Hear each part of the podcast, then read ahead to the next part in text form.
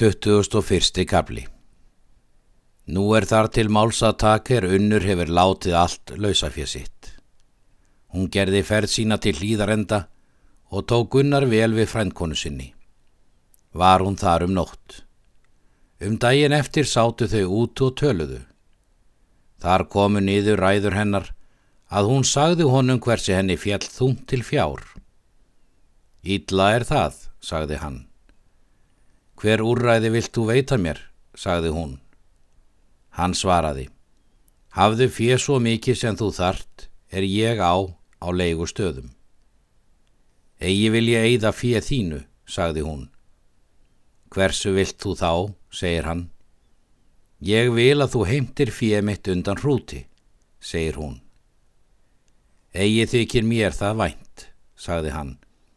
Þar er fæðir þinn fjekk eigi heimt og var hann lögmaður mikill, sagði hann, en ég kann lít til laga. Hún svaraði, meir þreytti hrútur það með kapp en með lögum, er fadir minn var gamall og þótti mönnum því það ráð að þeir þreyttu það ekki með sér. Enda er svo engin minn frændi að gangi þetta mál ef þú hefur eigið þreg til. Þóra mun ég, segir hann, að heimta fyrir þetta en eigi veit ég hversu upp skal taka málið. Hún svaraði. Farðu og finn jál á berþórskóli. Hann mun ráðinn kunna til að leggja. Er hann og vinn þinn mikill? Vonir mér að hann ráði mér heilt sem öllum öðrum, segir hann.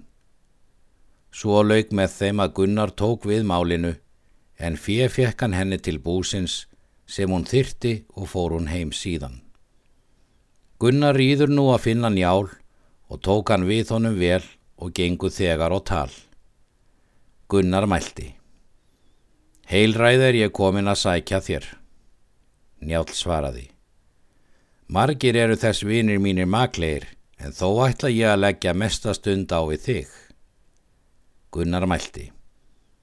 Ég vil gera þér kunnugt að ég hef tekið fjárheimtu af unni á hrút. Það er mikið vandamál, segir Njál, og mikil hætta hversu fer. En þó mun ég leggja til með þér, það er mér þykir vænast, og mun það endast ef þú bregður eigi af, en líf þitt er í hættu ef þú gerir eigi svo. Hvergi skal ég afbregða, segir Gunnar. Þá þagði Njál nokkur á stund og mælti síðan. Hugsað hef ég málið og mun það duga.